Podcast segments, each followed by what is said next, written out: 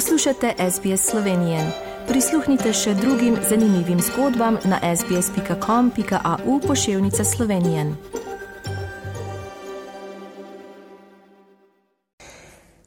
Lepo pozdravljeni, spoštovani rojaki, cenjene rojakinje. Teden, ki je za nami, je bil deloven, a hkrati tudi zelo prazničen in slovesen. V polnem zagonu se pripravljamo na prihajajoči božič, hkrati pa tudi na državni praznik, ki ga je leto še posebej zaznamoval nastop mandata nove predsednice Republike Slovenije.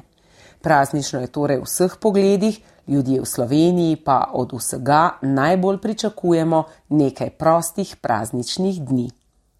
Prav danes je predsednica republike Nataša Pirc Musar od dosedanjega predsednika Borota Pahorja prevzela posle in nastopila svoj petletni mandat. Protokolarna predaja je potekala skupaj s postrojem vojaške častne čete pred predsedniško palačo. Primo predaja se je v skladu z naprej določenimi protokolarnimi pravili začela ob 11. uri s prejemom z vojaškimi častmi ob nastopu predsednice na to mesto. Sledil je pozdrav dosedanjega predsednika Boruta Pahorja in njegove partnerice Tanje Pečar.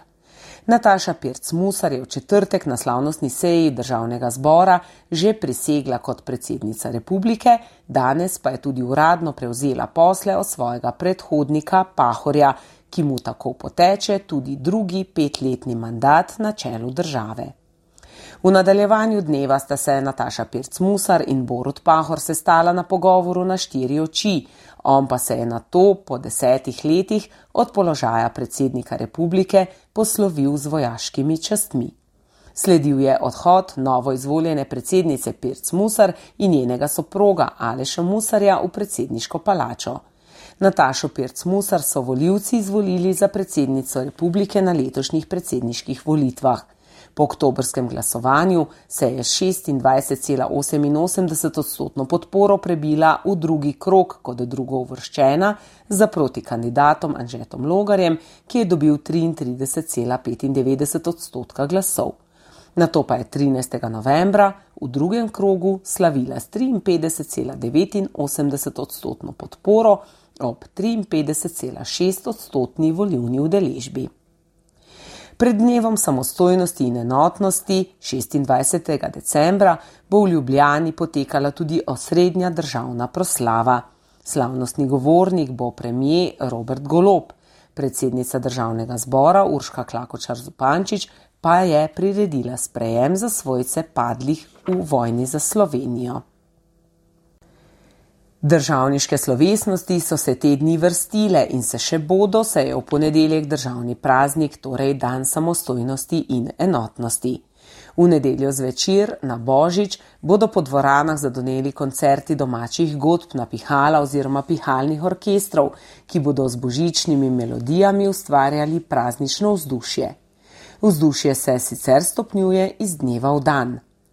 Potem, ko smo v teh dneh tudi po podjetjih imeli tako imenovane zaključke, se vsi pripravljamo na božični večer, zato po domovih že diši po potici in piškotih, povsod so žarele praznične luči, v mestih diši po zakuhančku, na ulicah pa igra božična glasba.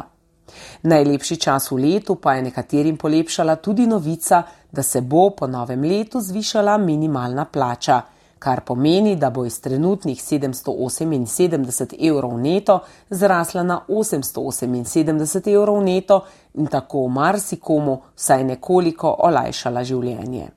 V teh dneh so tudi podjetja obdarovala svoje zaposlene. Božičnice, ki so leto še povsem neobdavčene, so v teh dneh izplačala še zadnja podjetja. Skoraj da vsa so svojim zaposlenim namenila nekaj denarja, le redka nič. Najvišja božičnica je letos segla tudi do 2000 evrov neto. Letošnje leto sicer mineva v znamenju najvišjih podražitev, kar smo jih v zadnjih 20 letih zaznali v Sloveniji. Podražitve so prisotne na skoraj vseh področjih končne potrošnje, tudi prehrambenih izdelkov. V primerjavi z lanskim novembrom so se po zadnjih podatkih statističnega urada cene hrane zvišale v povprečju za 20 odstotkov. Ljudi, ki se srečujejo s pomankanjem najosnovnejših stvari, tudi hrane, pa je vse več. Prav tako so množice ljudi, ki čakajo na donirano hrano, vse večje. Najbolj so se podražila olje in maščoba in sicer za slabih 38 odstotkov, za več kot četrtino so se podražili mleko, sir in jajca, za petino več v primerjavi z lanskim novembrom so dražji tudi kruh in drugi izdelki iz žita. Meso se je podražilo za 18 odstotkov.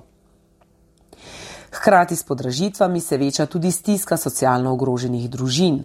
V Sloveniji je že osmo leto zapored potekal tudi 28-urni dobrodelni maraton v organizaciji radijske postaje Radio 1. Za družine v stiskah so letos ponovno zbrali rekordno vsoto denarja, neverjetnih 1 154 873 evrov. Srčni voditelji Denis Audič, Jana Morel in Miha Deželak so na mestnem trgu v Ljubljani pred očmi številnih podpornikov spisali še eno božično pravljico, na katero smo lahko vsi upravičeno ponosni.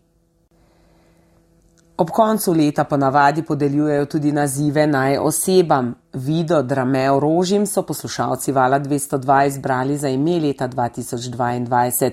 Je vodja pro bono ambulante s posvetovalnico za ljudi brez zdravstvenega zavarovanja, ki se trudi ljudem vrniti dostojanstvo in ta ambulanta letos praznuje 20 let svojega delovanja. Je upokojena psihiatrinja in neurologinja, zdravniško prakso upravlja že več kot 50 let, opozarja pa na pomankanje zdravnikov in pomen javnega zdravstva.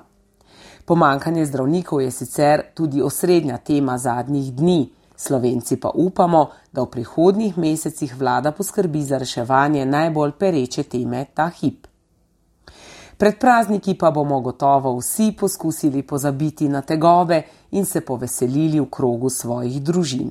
O prihodu Božička, ki najbolj razveseli otroke, bo morda pozabljeno tudi vse slabo, kar se je zgodilo v preteklem letu. Spoštovani rojaki, cenjene rojakinje, želim vam veliko miru, svetlobe, srečnih in veselih trenutkov. Naj vam prihajajoči prazniki prinesejo vse lepo, pričakajte novo leto v veselju in upanju na vse dobro. Novice iz Slovenije sem za vas pripravila Katarina Valentar. Všečkaj, deli, komentiraj. Spremljaj SBS Slovenijo na Facebooku.